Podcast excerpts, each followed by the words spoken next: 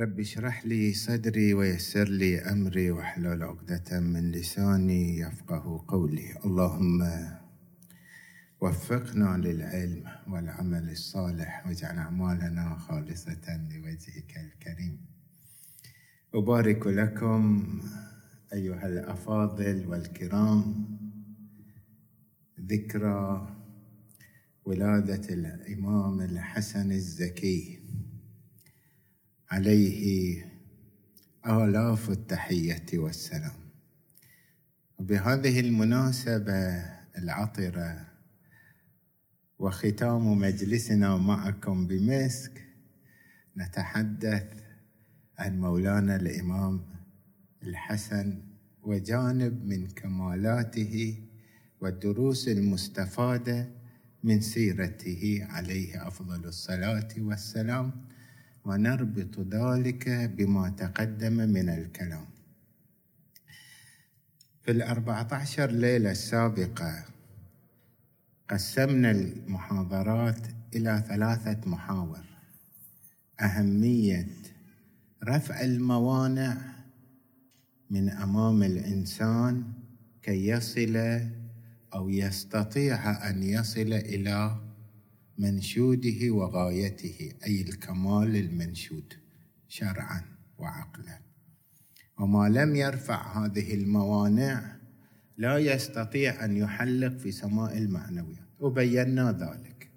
مثلا حب الدنيا قلنا مانع. النفس الأمارة مانع. اتباع الشيطان مانع الرياء والعجب وغير ذلك اللي تقدم. كل هذه الأمور تمنع الإنسان من أن يحلق في سماء المعنويات. وقلنا لا يكفي للإنسان إذا أراد الكمال فقط أن يرفع الموانع بل هذا يوجد له طريق لكي يحلق. ولكن إذا أراد أن يحلق في سماء المعنويات لابد أن يعتمد الوسائل.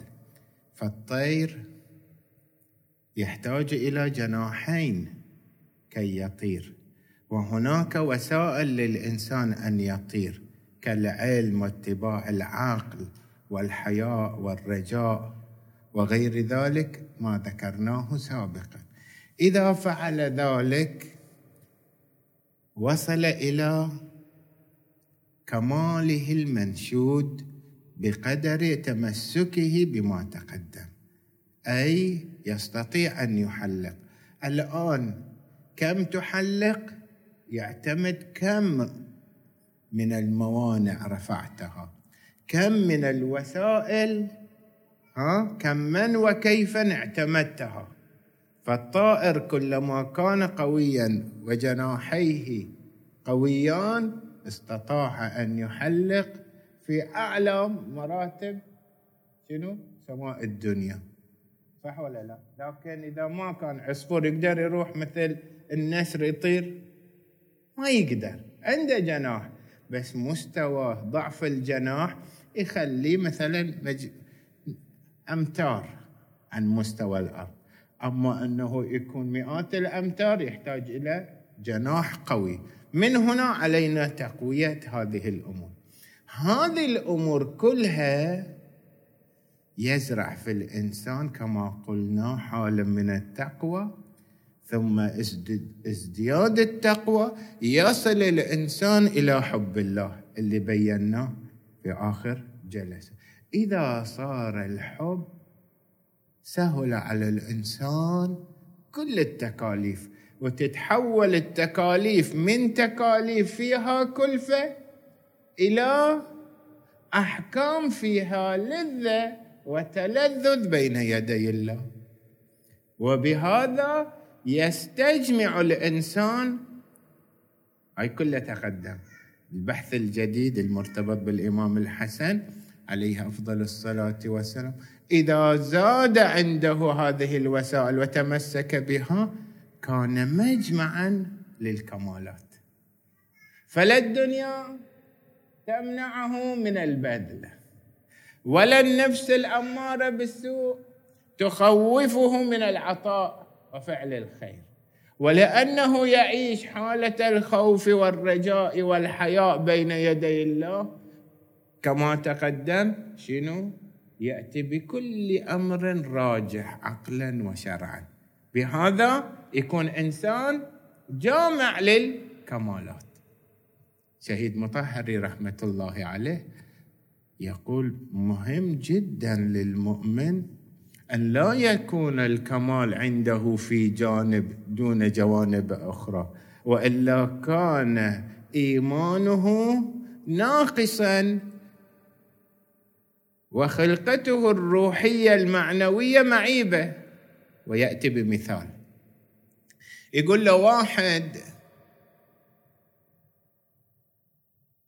في نمو بدنه عمره أربعة خمس سنوات. كان عنده خلل في النمو. صدره ما ينمو ولكن ذراعيه ورجليه ينموان بالشكل الطبيعي. ورأسه ينمو بشكل طبيعي. هذا يكون شنو؟ قبيح المنظر. صدر صغير رجائي الكبار أو رأسه. جمجمته ما تنمو أذاينه وخشمه وفلان ينموان بسرعة. يصير كيوسان قبيح. صح ولا لا؟ هكذا الإيمان لازم يكون كل الصفات النفسية الروحية السلوكية مجمع. مو في البيت. فرعون. وبرع صاير موسى. على قولة التعبير الإيراني شراغ دمكوتشة. شايفين ليتات البلدية تنور خارج البيت ما تنور داخل البيت. في ناس من المؤمنين أخلاقها راقية مع الناس. في البيت علقم هذا استواء أخلاقي ما عنده. تعالوا إلى الإمام الحسن. عليه أفضل الصلاة والسلام.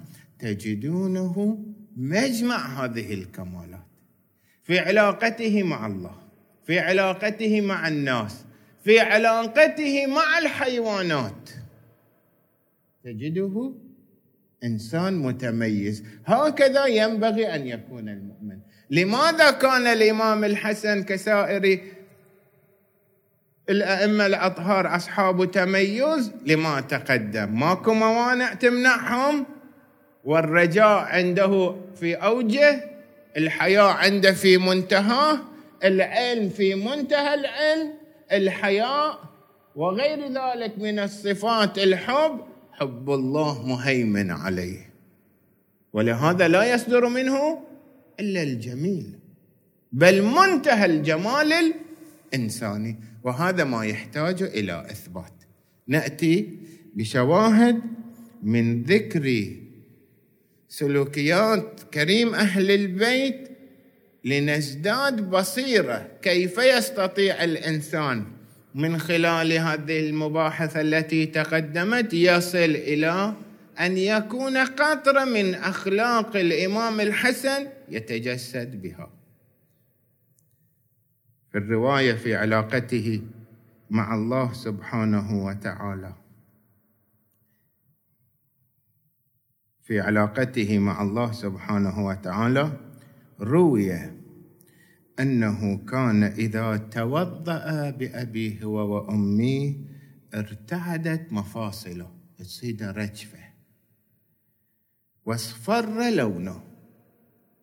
أنا شفت بعض الأحبة عندي أصدقاء أتشرف بهم أيام الشباب إلى الآن أصدقائي ولي الشرف معهم. كنا نصلي في الثمانينات مع سماحة الوالد شيخ عيسى في مسجد الخواجة أنا إذا أردت الخشوع أبحث عنه في المسجد لأنه يجي دائما قبل الأذان. تشوفه في زاوية يصلي من شدة الأدب والحضور والخشوع هو أبيضاني. من نسقية. يحمر وجهه وأذاينه. يعيش حاله من الحضور بين يدي الله فنظرتي إليه تكهربني. فأدخل إلى الصلاة بأدب لأنه وجدت شخصية مؤدبة بين يدي الله. الإمام الحسن ترتعد مفاصله أيضا يصفر لونه. فسئل عن ذلك. وش صاير سيدي؟ كريم أهل البيت. بتتوضأ للحين؟ ما دخلت الصلاة. هاي حالتك؟ فكان يقول حق على كل من وقف بين يدي رب العرش أن يصفر لونه. وترتعد مفاصله. حق يعني واجب المعرفة أنك سوف تقف بين يدي جبار السماوات والأرض. طبيعي إذا تعرف ما أعرفه من عظمة وبهاء وجلال الله ان يترتب عليك هذا الأثر. إحنا ليش ما يصير عندنا؟ لأن معرفتنا بالله ناقصة وسطحية جدا. ما حاولت أنمي معرفتي أقرأ كتاب في أصول الدين أو أدرس وأتعرف أو أسمع محاضرات في التوحيد كي أعرف عظمة الله سبحانه وتعالى. وحيث أني لا أعرف أبقى أتعامل مع هذه الحقائق تعامل سطحي بالمستوى الذي أدركه. لكن هذا الوجه الطيب وأنا إذا بغينا نحضر عند شخصية عظيمة جدا في نفسي. أرتجف لو ما أرتجف؟ أرتبك في الكلام أو ما أرتبك؟ ليش؟ بقدر المعرفة ترتب الأثر. كلما كانت الشخصية عظيمة عندك يحصل عند النفس إرباك ورجفه واصفرار وتلكؤ في الكلام. العظماء يعرفون عظمة الله. ولهذا ترتعد مفاصلهم ولهذا قيل كان الإمام الصادق يقول في حق الإمام المجتبى عليه السلام كان الحسن بن علي بن أبي طالب أعبد أعبد الناس في زمانه. ما في بعد واحد مثله في العبادة. أكثرهم عبادة. شلون؟ وأزهدهم وأفضلهم.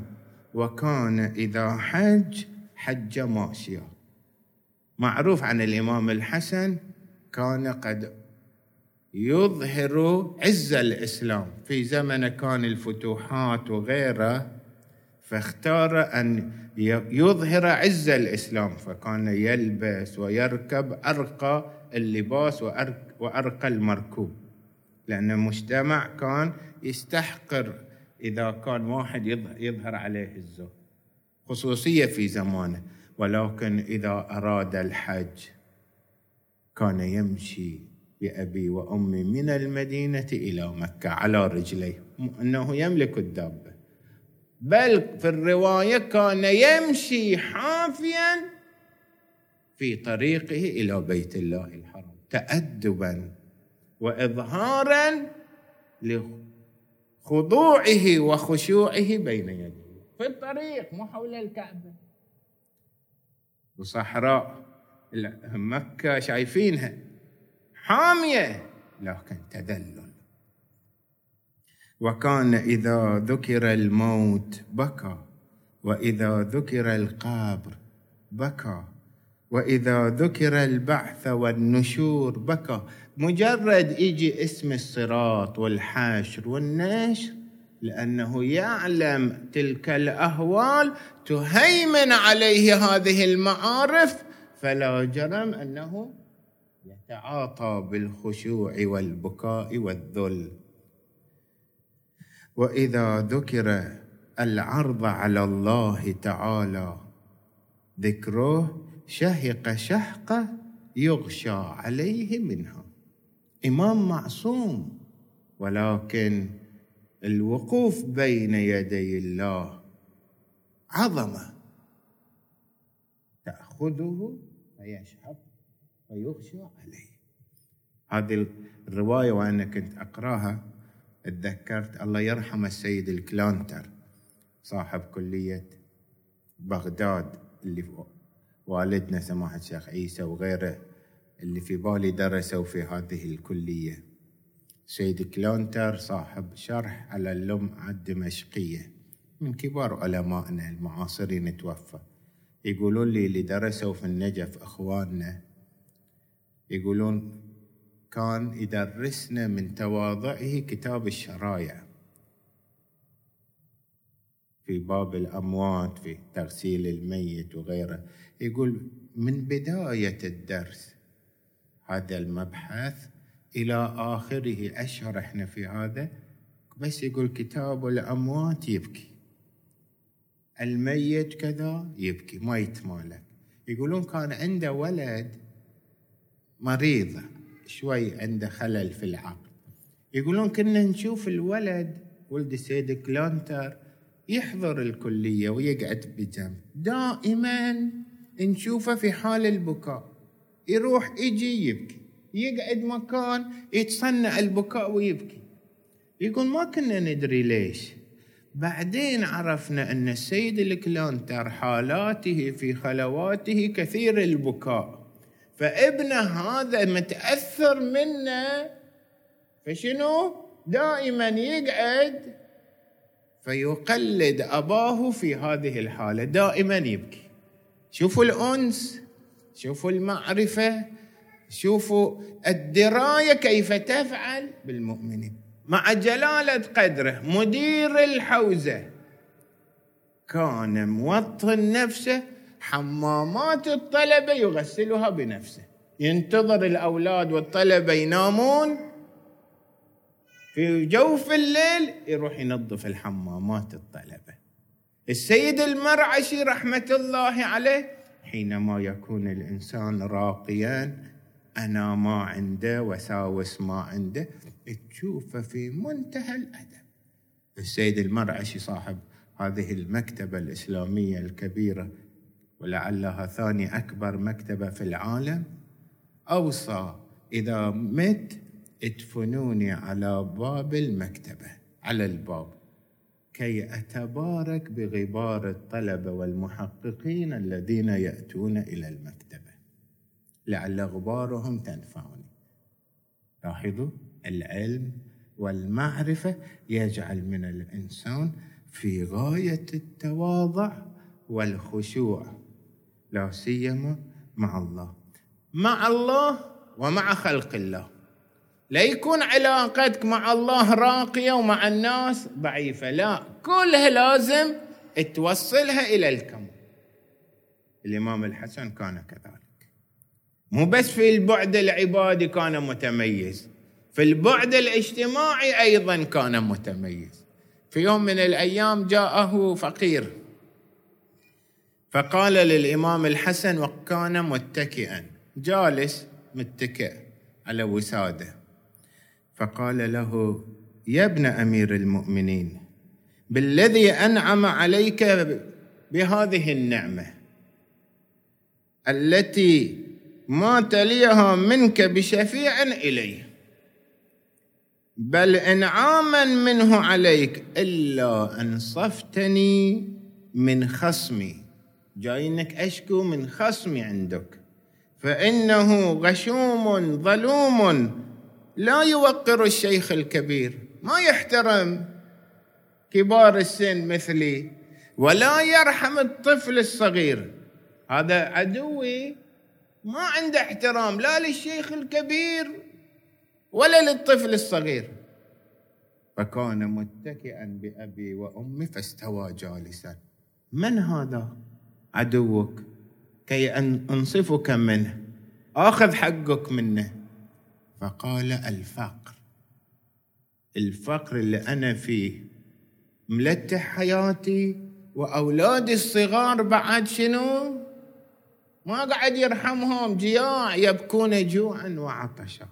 فأطرق الإمام برأسه لحظات ثم نظر إلى خادم في بيته. قال جئني بما هو موجود في الخزانة. كل ما عندنا في الخزانة جيب. وكان خمسة آلاف درهم.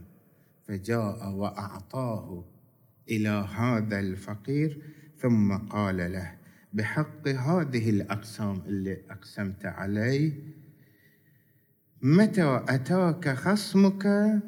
متى أتاك خصمك جائرا مرة ثانية؟ إلا ما أتيتني منه متظلما خمسة آلاف درهم. في يوم من الأيام سألت أحد العلماء والمحققين كم يسوى من القيمة السوقية. فقال لي أن بخمسة دراهم يمكن أن يشتري الإنسان شات يعني كم أعطاه قيمة ألف شات الآن الشات كم ستين دينار. يعني كم أعطاه ستمائة ألف دينار ست ستة آلاف دينار ستين ألف دينار. كان من صفاته لماذا سمي كريم أهل البيت؟ كان إذا أعطى أغنى. ما يخلي يحتاج. أنا وأمثالي إذا فقير جانا هذا بعد ما يصير إلا يمكن ليلة القدر. أعطاني جاني فقير يمكن أعطي عشرة دينار وأطالع السماء ليلة القدر. ها نزل ملك يقول أحسن. ها؟ بعد إذا هاي مئة دينار. عشر سنين ما ينساها. ها؟ إحنا وين؟ وكريم أهل البيت وين؟ ويا الأولياء وين؟ يستصغرون كما تقدم طاعتهم ويستعظمون ذنبهم. أنبياء والأئمة ما عندهم ذنب.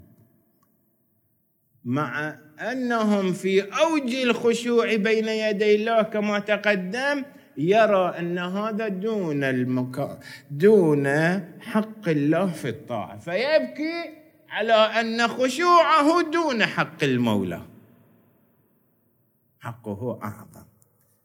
ومو بس ويا الناس كان كذلك بأبي هو وأمي مع ال... مو مع البشر مع الحيوانات. هاي لين أقول استجماع الكمالات في جميع الجوانب. المؤمن لازم يكون متميز. هكذا. في يوم من الأيام كان الإمام يأكل وبجانبه كلب أجل الله السامعين والمكان ينظر إليه. فكلما أكل الإمام لقمة رمى له لقمة أخرى. كان يناصفه واحدة بواحدة فشافوا أن الإمام ما قاعد يتهنى بالطعام. جاء أحدهم من حواري الإمام. قال سيدي ألا أرجم الكلب؟ أرمي عليه حجرة أخليه يروح وتتهنى بالطعام. قال إني لأستحي من الله. أنا أخجل من الله أن ينظر إلي ذي روح ولا أطعمه. حياء. أدب بين يدي الله. كلب نجس وكلبه هراش. يعني هذولين كلاب الضالة اللي إحنا نسميهم ما لهم قيمة. لكن تعظيم الإنسان لنفسه لأنه في محضر الله وهذولين من خلق الله. يكون أنا أتعاطى مع خلق الله بمنتهى الأدب والإحسان بما يليق بي كعبد لله سبحانه وتعالى.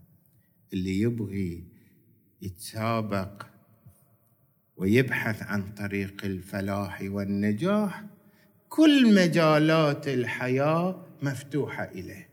للإبداع والتميز في جميع حقول الحياة. في البيت مع الناس مع الحيوان مع النبات. أعرف ناس. سلام الله على الحسين. يسقي الزرع في أيام الصيف ويبكي. يقول أشوف أغصان الأشجار متساقطة ذابلة فيذكرني بعطش الإمام الحسين. نبتة شجرة في البيت. لكن إذا يكون واحد عاشق كل شيء يدله على معشوقه هكذا ينبغي أن نكون. انتهى الكلام. هذا ما تقدم وصية الأئمة لنا أنتم يا شيعتنا كونوا أصحاب تميز كما أن الأئمة أصحاب تميز. شيعتنا كونوا لنا زينا ولا تكونوا علينا شيئا بما أن الأئمة قمة في الكمال المعرفي والعبودي والتعامل الاجتماعي ومع الخلق أنت الذي منسوب إلى هؤلاء العظماء. عليك وعلي أن نتميز في علاقاتنا مع كل البشر. لابد أن يعرف الشيعة أنهم أصحاب تميز. في العمل يشوفونك لا أنت غير عن باقي الموظفين. مسلمين وغير مسلمين ما بما أنك شيعي وإمامك إمام الإنس والجان أنت بعد لازم تكون إمام وقدوة في الأمانة وفي الأخلاق وفي الخلق وفي السلوك. يقولون صحيح رحم الله. جعفر هكذا. ادب شيعته بهذا أيها الأحبة نكون قد تعلمنا من مدرسة كريم أهل البيت ونأمل بهذه الأخلاق أن تنالنا شفاعتهم لأن الشفاعة تكون إذا كان هناك نحو مسانخه ومشابهه بين العاشق ومعشوقه كلما اقتربت العلاقة كانت الشفاعة آكد ومو بس الشفاعة أن واحد يطلعون من النار يأخذون إلى مقامهم. التفتوا أيها الكرام؟ الشفاعة مو بس إن الإنسان يخلص من النار لا في واحد يعمل من أجل أن يكون محياه ومماته محيا وممات محمد وآل محمد. اللهم صل على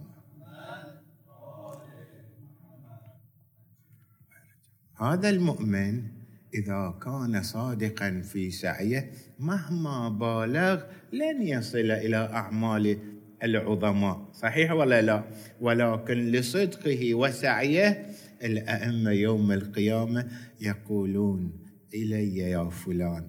فإنك سعيت في الدنيا أن تتخلق بأخلاقنا. ورأيناك جادا في ذلك ساعيا في هذا الأمر. ولهذا نشفع لك أنت من أهل الجنة. ولكن لأن أمنيتك أن تكون معنا هذه الشفاعة تشملك فتكون بجوار أهل البيت. عليهم السلام. أسأل الله بحق هذه الليلة العظيمة. ونحن في ضيافة كريم أهل البيت عليه أفضل الصلاة والسلام. أن ينظر إلينا نظرة كريمة نستكمل بها خير الدنيا والآخرة ولا يفرق بيننا وبينهم طرفة عين أبدا. وصلى الله على محمد وآل محمد.